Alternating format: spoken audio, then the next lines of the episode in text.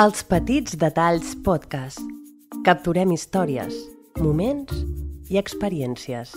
Tots som part d'una gran història. Tots en formem part.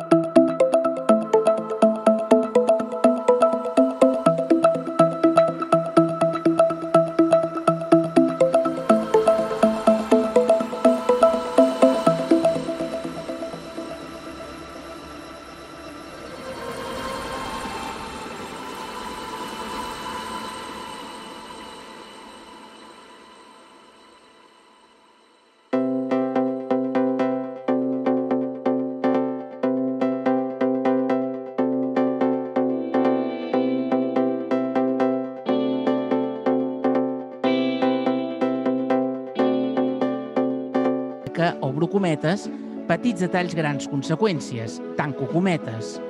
El gurú i mestre de mestres del màrqueting, Seth Godin, diu que, obro cometes, el màrqueting ja no es tracta de les coses que vens, sinó de les històries que expliques, tanco cometes. I és veritat.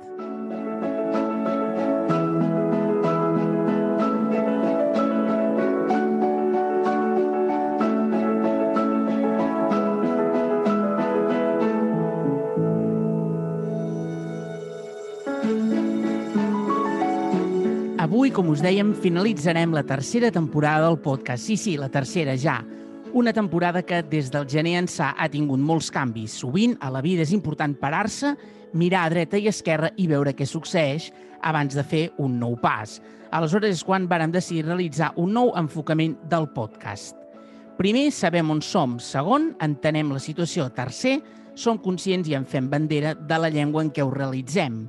Un fet que a molts, sí, sí, a molts els hauria de fer reflexionar, sobretot perquè és molt maco fer-ne bandera i per postres no predicar amb l'exemple. S'ha de tenir en compte que nosaltres sabem per què vam decidir produir els nostres podcasts amb la nostra llengua. Entenem que o ho fem nosaltres o tan sols ho faran aquells que obtinguin una subvenció per realitzar-ho. Quart, no es pot fer trampa jugant al solitari. Cinc, ho deia fa un parell de capítols, si no recordo malament, en el podcast El sentido de la birra del podcaster Ricard Montoya, entrevistaven l'humorista i presentador de televisió André Buenafuente amb motiu del documental El Terrat Los Primeros 30, que es pot veure a la plataforma Filmin. El podcaster li preguntava a l'Andreu on donaries ara que estic començant amb la meva productora, tanco cometes. El també showman i figura de la televisió li responia, obro cometes, sigues honest, que puguis anar-te'n a dormir tranquil i posis passió i treballis, potenciïs el talent i puguis aportar quelcom, és a dir, aportar valor. No et quedis com un número o un podcaster més, tanco cometes. Òbviament, també estem molt contents de les seccions que completen aquest podcast. Com que tenim esperit crític, sabem on som, quina és la situació actual i a on volem arribar, avui, sí, sí, avui us podem confirmar que tornarem el proper mes de setembre i ho farem a l'hora de sempre. Si us interessen la resta de les nostres novetats, tan sols cal que estigueu atents a les nostres xarxes detallistes. Comencem. Avui us hem preparat un programa especial, fi de la tercera temporada especial, preguntes i respostes. Així que de seguida eh, veurem quines són aquestes preguntes i respostes.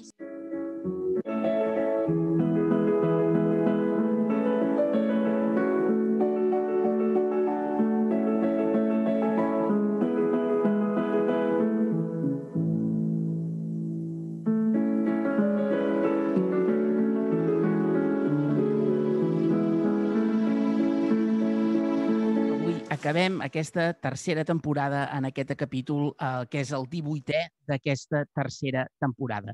Bé, anirem posant una mica també així de música de fons i responent a aquelles preguntes que tots vosaltres ens heu enviat. La primera ens l'envia la Laura, que ens pregunta què és el podcasting. M'agrada que ens facin aquesta pregunta perquè és una pregunta que nosaltres també eh, ens hem fet moltes vegades. Jo sempre dic que el podcasting és la manera en com un fa un podcast i d'alguna manera és posar en marxa aquest podcast. I què és un podcast? Un programa de ràdio online. Per tant, per mi, el podcasting és la manera en què, eh, d'alguna manera, executem aquesta, aquest podcast. No? Eh, ens, la, la paraula podcast, d'alguna manera, neix el 12 de febrer del 2004 de forma quasi casual. Eh, això passava en un article publicat al The Guardian sota el títol La revolució audible. Uh, si ho veiem d'alguna manera posteriori, uh, els reproductors MP3 com el iPod d'Apple, uh, d'alguna manera els, els programes de reproducció d'àudio més barats o gratuïts i el webblogging com una part consolidada d'internet, uh, tots els ingredients uh, estan aquí, però de nou eh, és el, el boom de la ràdio que fa que hi hagi aquest èxit en el eh, podcast i el podcasting. En primer lloc, eh, la paraula pod ve del iPod, el reproductor MP3 llançat per Apple.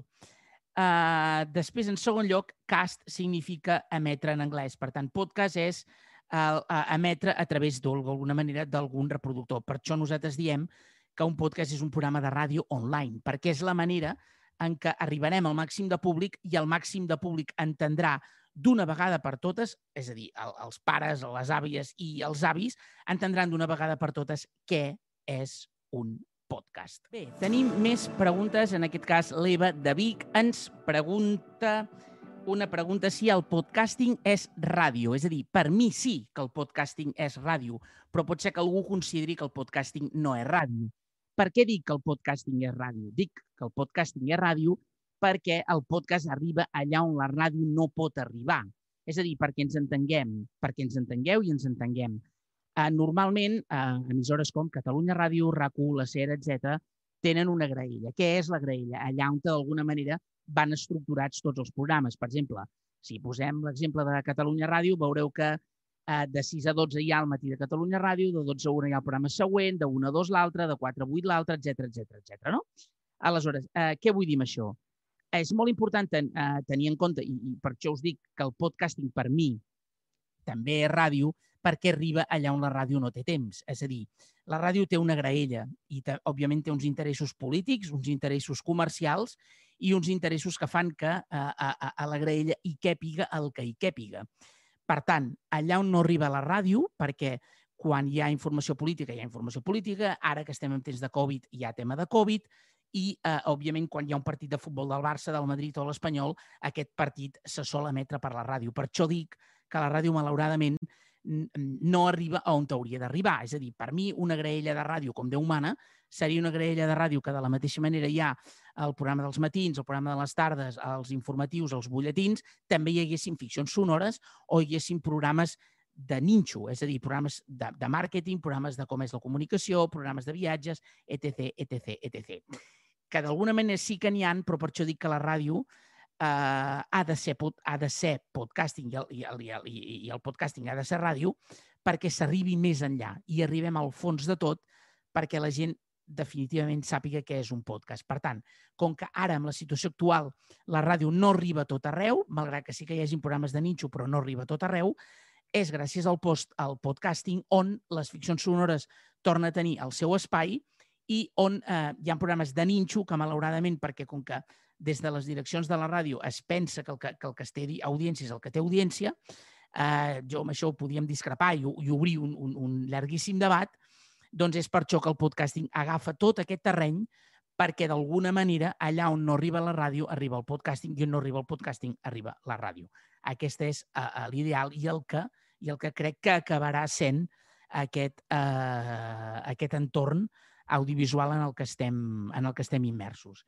Bé, ens fan uh, més preguntes. Marta, de, també de Vic, ens pregunta si podria recomanar algun llibre sobre podcast. Bé, la veritat és que eh, em podria recomanar, sí, n'hi ha, eh? de fet, si, si aneu, si feu l'exercici d'anar a Amazon, veureu que hi ha bastants llibres que parlen sobre podcasting.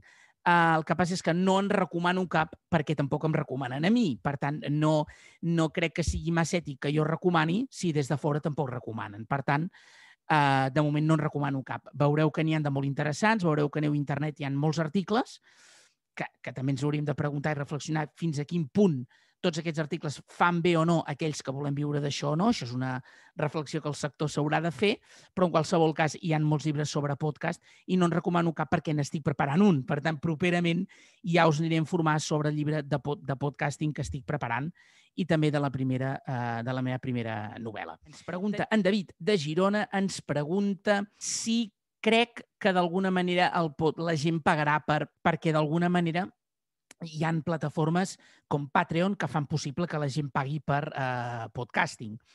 N'hi han molts, eh? Viajando Simple és un podcast que, per exemple, també té el seu Patreon i tu allà pagues i eh, una vegada has pagat amb una quota, és a dir, el podcasting de pago, bàsicament, amb què funciona?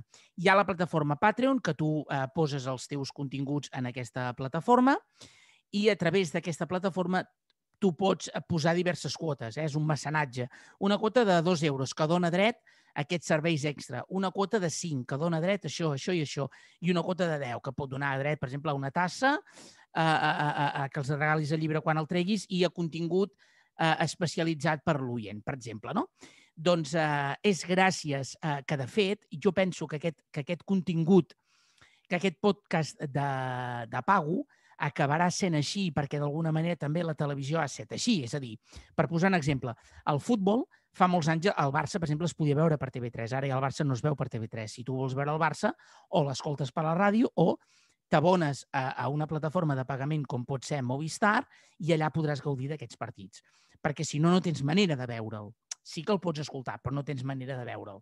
Per tant, com que diguem d'alguna manera la indústria ha crescut i s'ha anat cap aquí, per això, eh, és, per això penso que d'alguna manera el podcasting també acabarà aquí. És a dir, que tu aniràs a Patreon o aniràs a altres plataformes de podcast, com per exemple pot ser iVox, t'hi subscriuràs, pagaràs un euro al mes i tindràs eh, accés a capítols exclusius que l'audiència generalista d'aquesta web que no pagui aquest euro no tindrà accés a determinats capítols que tu potser sí que hi tindràs accés. O, per exemple, podràs ser protagonista d'un d'aquests capítols o aportar valor a les històries que s'hi expliquin.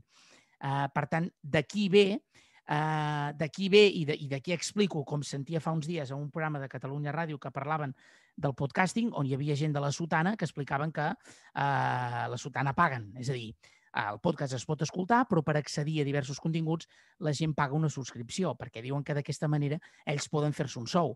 És que estem en una situació realment molt crítica, els que ens dediquem al podcast. Perquè o, o, o tu tens la sort de tenir un podcast d'èxit, que et vingui una, una plataforma com Podimo o Podium Podcast, o, per exemple, la corporació et digui ei, vols que el teu podcast formi part de la nostra plataforma? I aleshores allà és on te realment cobraràs, perquè si no és molt difícil que es pugui cobrar.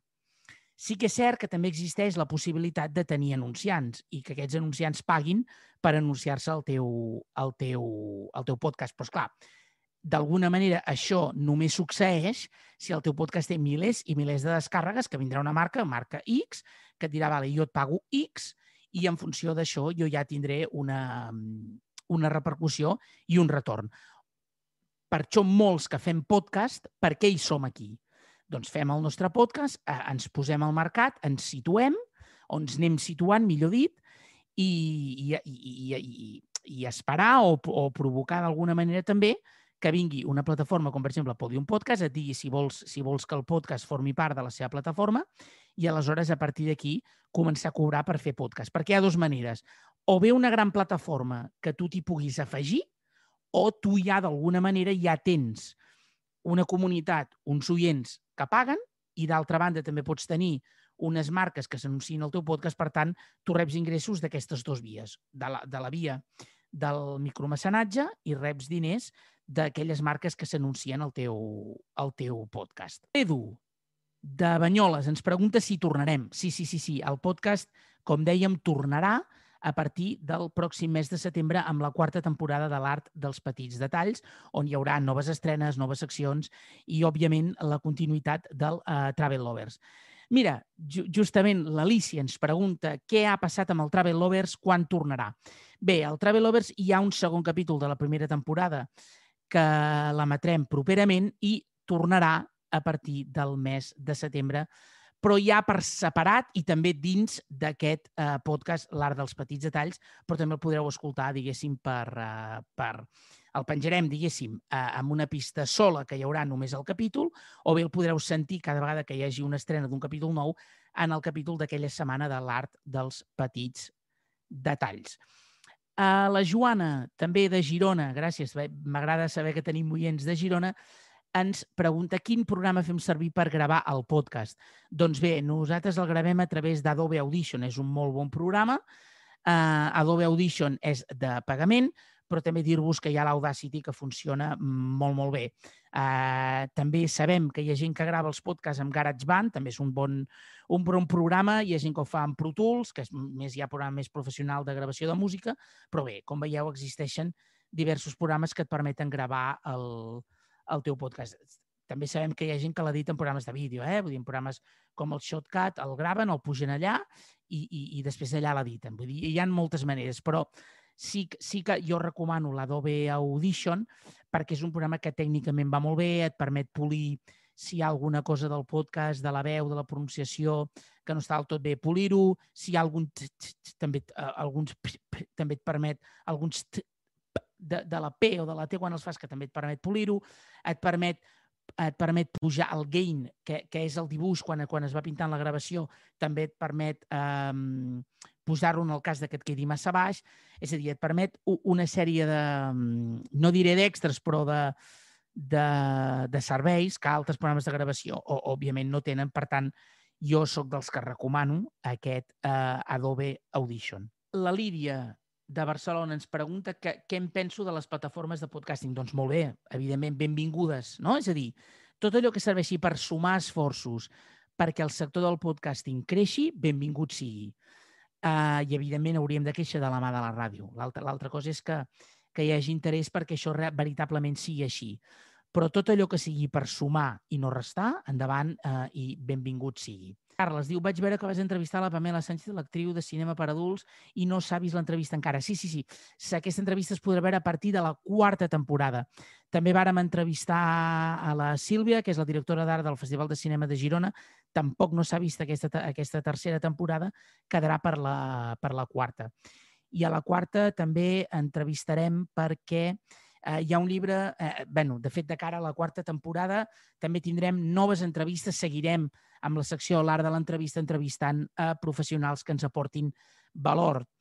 Uh, I una d'elles serà la Neus Arques, que va fer aquest, uh, aquest llibre que es deia uh, Marketing per a escriptores, que uh, uh, el, publi el publica al setembre i amb motiu d'aquesta publicació la tindrem aquí al podcast. Bé,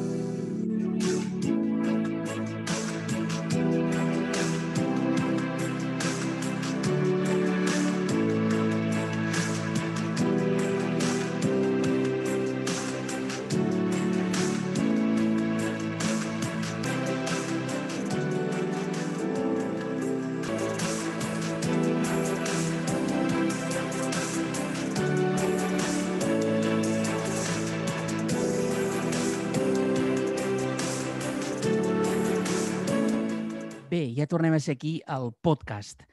Uh, Recordar-vos que al podcast heu, poguet, uh, heu pogut escoltar algunes falques i aquestes falques que heu escoltat durant aquesta tercera temporada del podcast són les següents.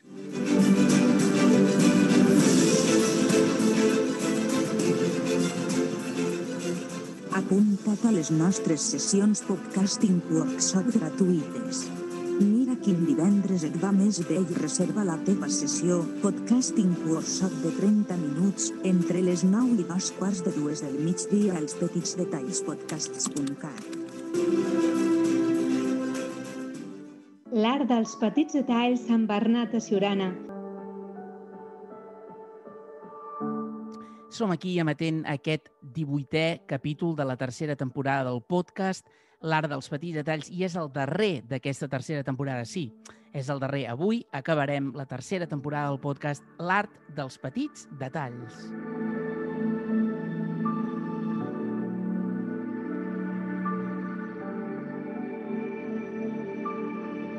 Bé, la Remedios ens pregunta i bueno, ens fa una reflexió i ens diu que una història ha de compartir un missatge i diu és veritat que cada vídeo, episodi i article s'ha de plantejar com una història? Doncs eh, sí, Remedios, sí.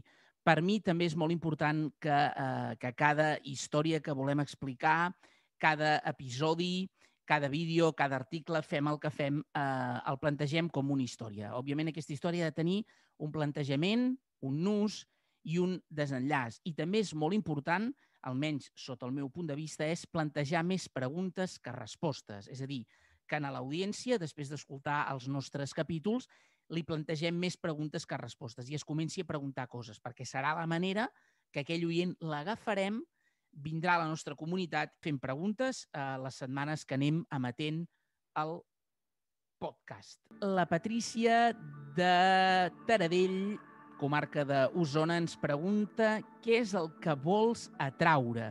Bé, el que vols atraure no sé si es refereix com a algú personal del podcast o bé com a quelcom eh, genèric. Vull, vull entendre que la pregunta què és el que vols atraure és el que és el que s'hauria de traure en un podcast. Doncs, molt bona pregunta. Mm, clar, la pregunta que jo em faig és per què la gent escolta podcast? Uh, una de dos. O perquè aquell podcast els explica una història que en aquest oient li interessa, eh, o bé perquè aquest podcast eh, els hi aporta valor, o bé perquè els hi agrada la manera de fer d'aquest podcaster. Serien alguns dels exemples per quals de, de què és el que es voldria treure amb, amb un podcast. Eh, és molt important que, que, que tinguis quelcom per explicar. D'entrada tinguis quelcom per explicar. Eh, quelcom que t'apassioni, perquè també serà la manera que podràs fidelitzar més aviat i podràs atraure també oients més aviat en el teu podcast. Aquí la Ariadna ens pregunta, Bernat, he vist que en alguns dels seus programes o capítols del podcast has dit que fa falta sumar esforços amb podcasters. Què és el que hauríem de fer per tal de sumar esforços amb podcasters? Bona pregunta. Jo crec, jo crec que això depèn molt, és a dir, al final eh, això és molt senzill. Eh, jo sempre dic que si un eh, no es vol barallar, no es baralla i si un no vol sumar, eh, no suma. Eh? I, i, I si un no vol, dos tampoc s'enamoren. Per tant, perquè dos eh, es, es, es vulguin sumar esforços, es vulguin col·laborar amb un podcast, evidentment els dos, els dos han de voler. Si dels dos n'hi ha un que no vol, difícilment allò pugui passar. Per tant, eh, jo crec que al final eh, també és molt difícil caure bé tothom i també és complicat poder sumar esforços amb tothom. Per tant, per això dic que és important que mirem de fer-ho, però si sumem, fantàstic, i si no sumem, ho haurem d'acceptar, perquè és així, no, no podem fer-hi altra, altra cosa.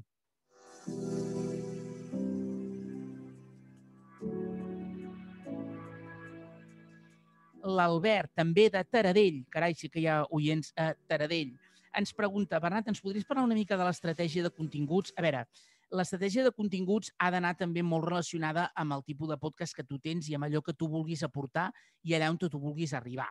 Val? Uh, però, evidentment, els continguts han de vendre la teva marca. Si no ven la teva marca, malament. Uh, recorda que depèn de quina marca tinguis, pot ser que tinguis un públic heterogeni, com és el cas del nostre. Uh, que el nostre, d'alguna manera, aquell, aquell buyer persona seria amant de les bones històries.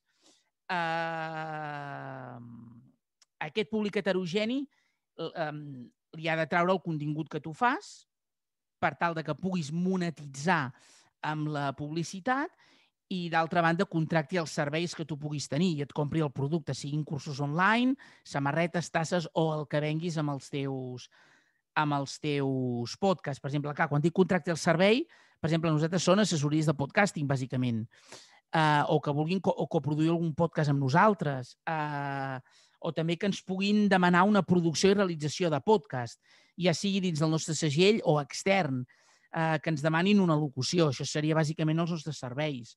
Per tant, per això dic que aquest públic eh, li ha de treure el nostre contingut, ha de contractar els, eh, un públic que contracti els nostres serveis i a partir d'aquí hi ha dues maneres, que es monetitzi a través de la, de la, amb la publicitat allò que dèiem al principi, o bé que eh, comprin el nostre producte. Gràcies, Albert. La Clara ens pregunta, Bernat, ens podries recomanar eh, una, eh, un, un, una aplicació o quelcom que em serveixi per fer publicacions a les xarxes? Doncs mira, eh, Canva va molt bé, o bé l'Spark Post, que és el que nosaltres també fem servir per les nostres, les nostres publicacions a les xarxes. Moltes gràcies.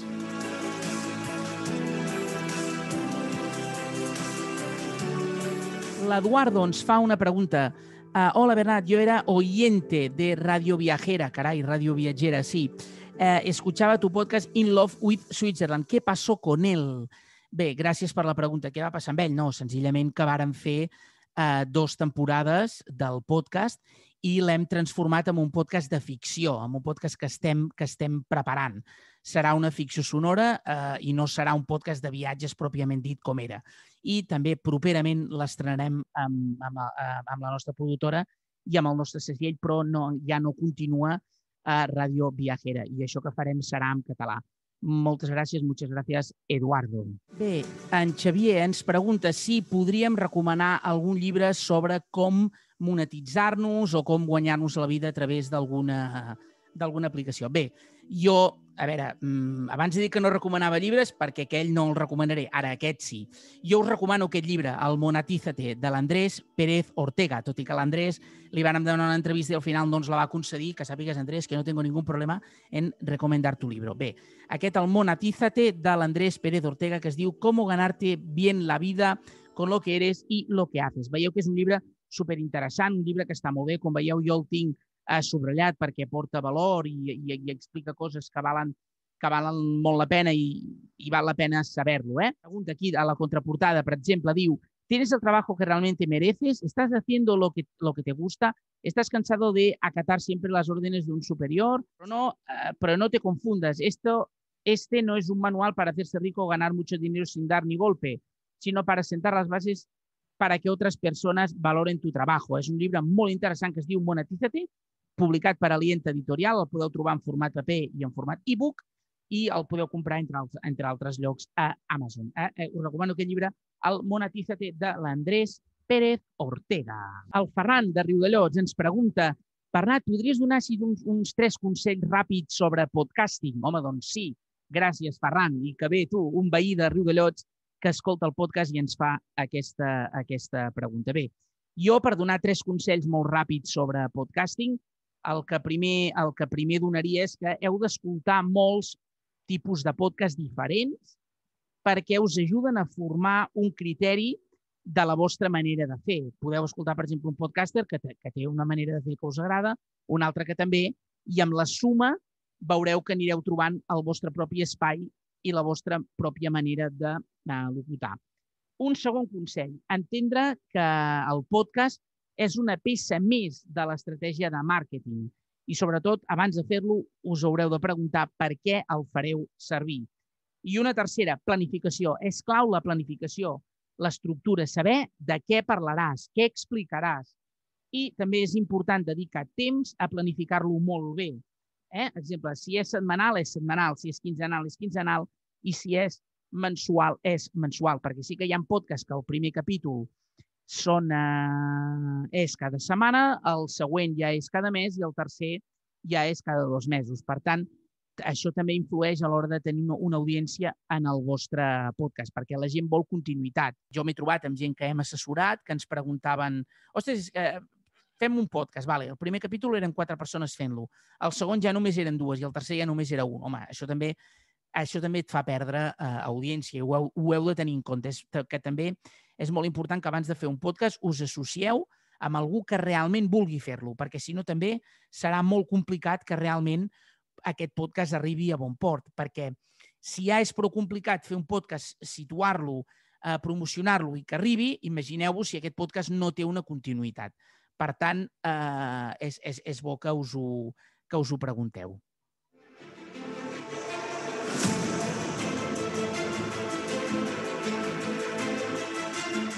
Laura, també de Girona, ens pregunta, Bernat, tu que ets una banda del cinema, ens podries recomanar alguna pel·lícula? Bé, uh, sí, sí, sí, us podria recomanar alguna pel·lícula. Uh, clar, tot dependrà de quin estil o quin tipus de pel·lícules us agradin. però, per exemple, a mi jo sóc molt fan eh, i, a més a més, una, una que he vist eh, no fa gaire, que l'he vist a la plataforma de, eh, de Amazon Prime, correcte? Sí, la vaig veure per Amazon Prime, que era una pel·lícula sobre eh, una parella que s'enamorava i aquesta parella a partir d'aquí vivia una, una autèntica història d'amor i eh, aquesta pel·lícula era la història d'Adele. És una gran pel·lícula que la fa entre altres protagonistes del Harrison Ford i la trobareu, eh, entre altres plataformes, a Amazon Prime. La Marta, o soc jo Bernat o un capítol vas parlar de la pel·lícula Un bon any. La recomanaries? Absolutament, absolutament. Un bon any és una gran, gran, gran pel·lícula. Eh, jo inclús eh, el 2012, si mal no recordo, amb un amic vàrem anar a la Provença i vàrem, vàrem fer la ruta que fa amb Max Skinner de la pel·lícula Un bon any. Eh, una pel·lícula molt recomanable, una història d'amor, ell és un broker que d'alguna manera un dia rep la notícia de que, de que s'ha mort el seu tio i hereda el xató on el seu tio hi feia vi i ell hi passava els estius i a partir d'aquí eh, succeeix tota la trama. És una gran, gran, gran pel·lícula molt recomanable i a part hi ha una gran actiu com la Marion Cotillard. Bernat, si no recordo malament, en un capítol parlaves de storytelling. Ens pregunta la Quimeta. Uh, sí, sí, sí, cert, parlava de storytelling. Què ens podria recomanar a l'hora de realitzar-ne? Bé, uh, una mica el, el que us deia abans, és a dir, si també aneu a Amazon i poseu storytelling, veureu com surten bastants llibres. A l'art dels petits detalls.blogspot.com hi trobareu petits detalls, petites coses, instants, records, els indrets que ens han fet com som, viatges, com compartim petits moments i experiències amb tu.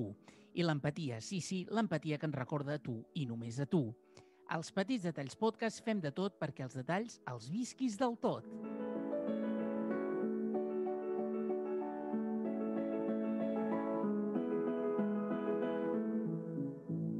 Avui dijous 1 de juliol de 2021 nosaltres hi posem el punt i final.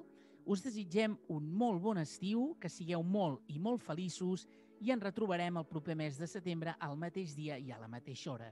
A aquestes alçades de la pel·lícula ens trobem planificant la que serà la quarta temporada i és per això que encara no us podem desvelar quin dijous de setembre arrencarem la quarta temporada. Com us dèiem sempre, Sigueu molt i molt feliços, detallistes. Tornarem ben aviat.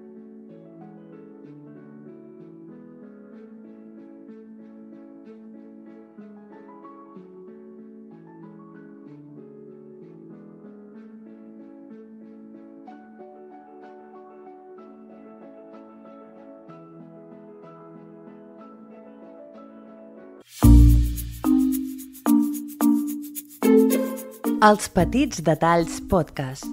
Capturem històries, moments i experiències. Tots som part d'una gran història. Tots en formem part.